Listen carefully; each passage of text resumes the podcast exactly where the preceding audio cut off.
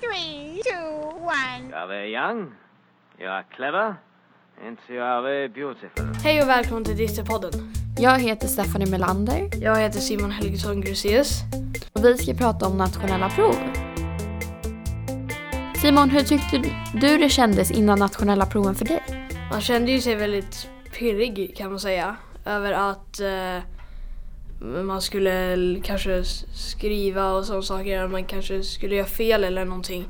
Man blev ganska rädd kan man säga om man gjorde det, vad som skulle hända. Jag kommer ihåg när jag skulle ha nationella prov och det var jättejobbigt och man var så jättenervös och man trodde att det var det slutgörande betyget och, Mm.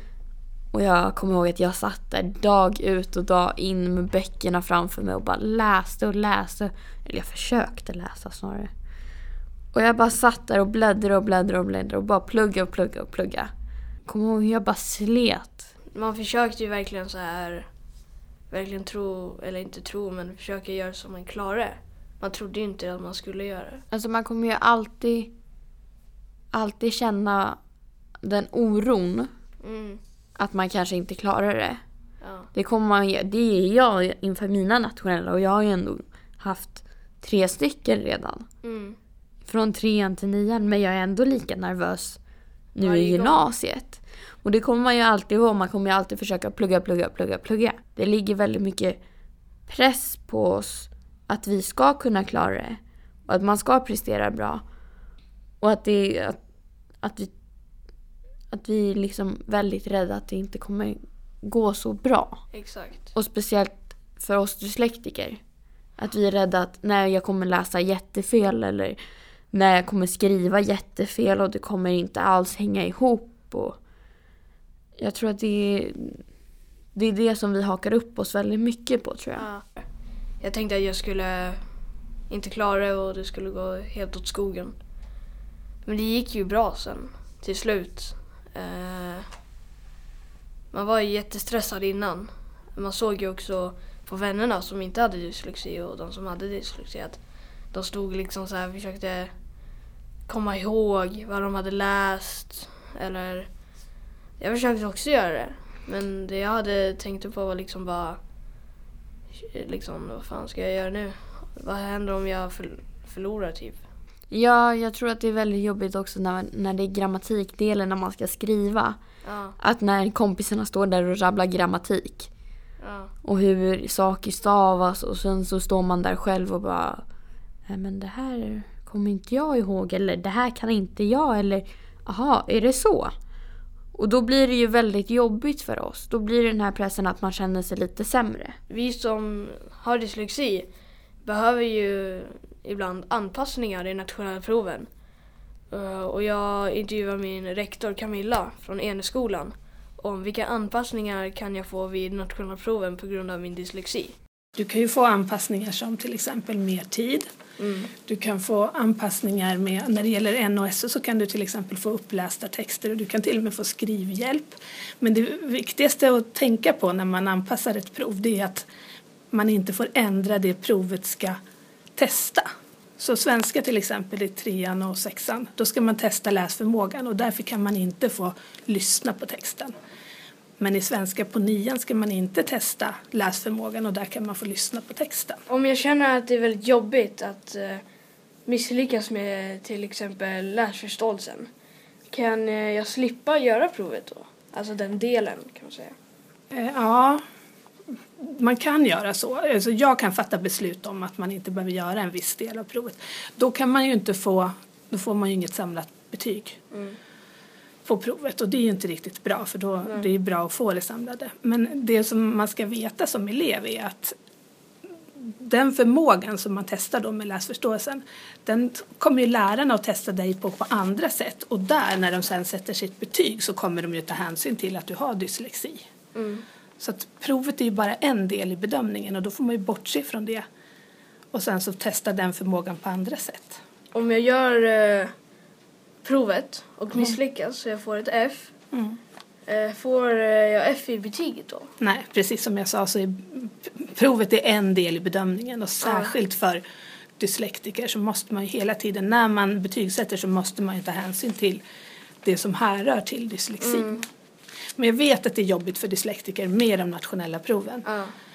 För det är mycket så att eh, man måste skriva eller sådana saker. Och det kan vara kräv, man blir trött på det. Ja, Alltså, man blir precis. Mm. trött efter och kan bli lite svår att fokusera och sådana saker. Men i NOS till exempel och matte så kan man ju få skrivhjälp så man Ja, slipper det och då kan man få exakt. prata. Muntligt och Ja, och man kan få muntligt uppläst och Ja. sådär. exakt. Men det är bara vissa, vissa delar som verkligen testar det som har med läsförståelse att göra. Det får man ju inte ta bort.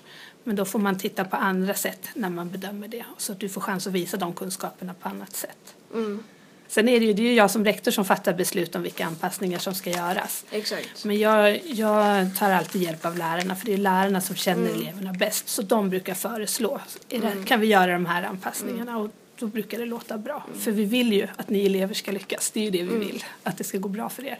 Har det någonsin hänt att eh, en elev har inte velat gjort ett prov som har dyslexi och liksom har stått emot? Sagt nej och sådana saker. Eh, nej, vi har nog kunnat hjälpa till och tillrättalägga så att Ja. det är elever som säger att de Ja. inte vill, men vi har kunnat tillrättalägga så att det har blivit bra så att eleverna ändå har känt att det har, bli, har varit bra när de har gjort det. Så till slut Mm. har de gjort det för vi har gjort så bra anpassningar. Så det där var min rektor Camilla Simonsson. Precis som du nämnde och som din rektor Camilla nämnde ehm, om man vägrar göra ett nationella prov. Och jag gjorde faktiskt det. Jag ville inte göra mitt eh, franska nationella prov i moderna språk. Ehm, på grund av att jag kände att jag inte hade kunskaper som räckte och jag tyckte att min dyslexi hindrade mig lite faktiskt. Men nu i efterhand kan jag faktiskt känna att jag ångrade det väldigt mycket. Ehm, så det är ingenting som jag personligen skulle rekommendera att göra för att det är någonting man faktiskt ångrar sig. För att jag kände att jag kanske hade kunnat höja mitt betyg och kunnat visa kunskaper som jag faktiskt har. Eh, som jag kanske inte tror att jag har. Och eh, det hade kunnat, jag hade kunnat få ett bättre betyg i franska. Och med tanke på att jag inte gjorde det provet så fattades ju det, den delen när min lärare skulle sätta betyg. Um, och det, det är tråkigt, för det kun, kunde ha gått bättre för mig. Um, så det är någonting jag faktiskt inte rekommenderar alls. Jag, jag kommer ihåg eh, när jag gick i trean och hade mitt nationella prov då. Då kommer i alla fall min engelsklärare fram och säger till mig att jag, vi hade inte ens gjort klart det, vi hade typ två prov till efter det. Eh, och då kommer hon och säger så här, Simon, eh, jag ser att du kommer inte klara det här. Eh, jag tänkte fråga varför men hon bara gick iväg. Eh, hon sa, jag behövde fortfarande göra proven. Men hon sa fortfarande att jag inte kunde klara det. Eh, jag kände mig väldigt ledsen över det och arg medans. För jag kände att även om jag kunde inte klara det behövde hon inte säga det. För det var ju fortfarande prov kvar att göra. Så då kände jag liksom bara, ja varför gör jag proven ens? Ja, det förstår jag. Gud, gud vad hemskt. Ja, Och få höra av sin lärare. ja liksom vad hon kom fram så här när man sitter i det här specialrummet. Liksom så här i en liten stol och så kommer de så här. Du eh, kommer inte klara det här. Man bara okej. Tack så mycket då. Då tappar man ju verkligen lusten att försöka anstränga sig och klara de andra. Simon, din pappa Fredrik Helgesson pratade ju med Skolverket eh, om nationella proven och den första frågan var vad ska jag göra om jag har dyslexi och ska ha nationella prov i svenska? Det är alltid viktigt att man pratar med sin lärare om och vad, vilka anpassningar, hur kan jag genomföra provet, vilka anpassningar kan man göra? Kan jag använda de verktyg jag brukar använda och få använda i undervisningen? Det vanligaste är ju i resonemang med läraren och eleven om hur man ska kunna genomföra provet, det är ju att läraren ger eleven mer tid för genomförandet. Och sen vad det gäller skrivuppgiften, att man hinner och sitta och skriva vid datorn, kanske använda textuppläsning eh, så att man hör och förstår vad man har skrivit. Eh, det vi brukar säga det är ju att det är bra om eleven har kunnat bekanta sig med provet innan liknande prov, alltså sådana här prov som är frisläppta, som inte har sekretess. Så att man känner sig trygg med hur ser ett prov ut? Vad är det för någonting? Vad är det man ska göra? Ofta brukar det kunna avdramatisera. Eh, och det här gäller ju för proven i svenska och i viss mån proven i engelska. I övriga prov, i övriga ämnen så finns de ju inlästa i matematiken redan och, och i årskurs 6 och sen i nians prov så finns allting inläst. Jag tycker det är bra det hon säger, men jag tycker det är lite tråkigt att jag fick reda på det så sent. Jag skulle gärna ha fått reda på det när jag var väldigt mycket yngre. Ja. Ska vi ta fråga två kanske? Ja. Och fråga två är då, vad ska jag göra om jag känner att jag har misslyckats med provet totalt? Läraren ska ju ha många underlag vid sin betygssättning allt vad eleverna visat i undervisningen och då är det nationella provet ett av flera underlag. Eh, och har det då inte gått särskilt bra, tycker eleven, på det här provet och inte kunnat visa vad man egentligen kan, så är det ju viktigt att läraren låter eleven visa sin kunskap i liknande uppgifter. Inte göra provet en gång till, för det får man faktiskt inte göra. Men man kan göra liknande uppgifter Eh, så att man kan känna att i den vanliga undervisningssituationen, där kan jag få visa vad jag kan. Jag tycker det är riktigt bra att man får, vad hon säger, att man får eh, göra typ, inte provet. Eh, Komplettera. Igen.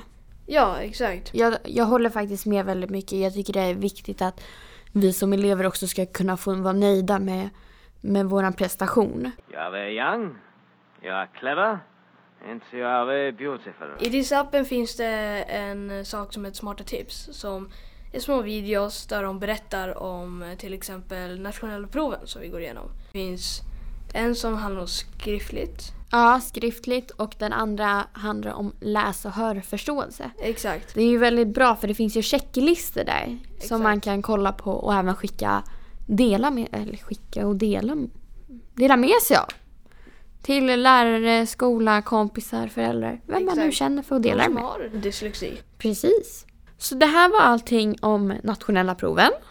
Ja, för den här gången på Dissopodden. Ja, jag heter Stephanie Melander. Jag heter Simon Helgesson Gruséus. Hej då! Hej då! Hejsan! Vi som står bakom Dyssepodden är Föräldraföreningen för dyslektiska barn, FDB. FDB hjälper och stöttar föräldrar som har barn med dyslexi. Mer information hittar du på fdb.nu. Dyssepodden produceras av Trapets Media.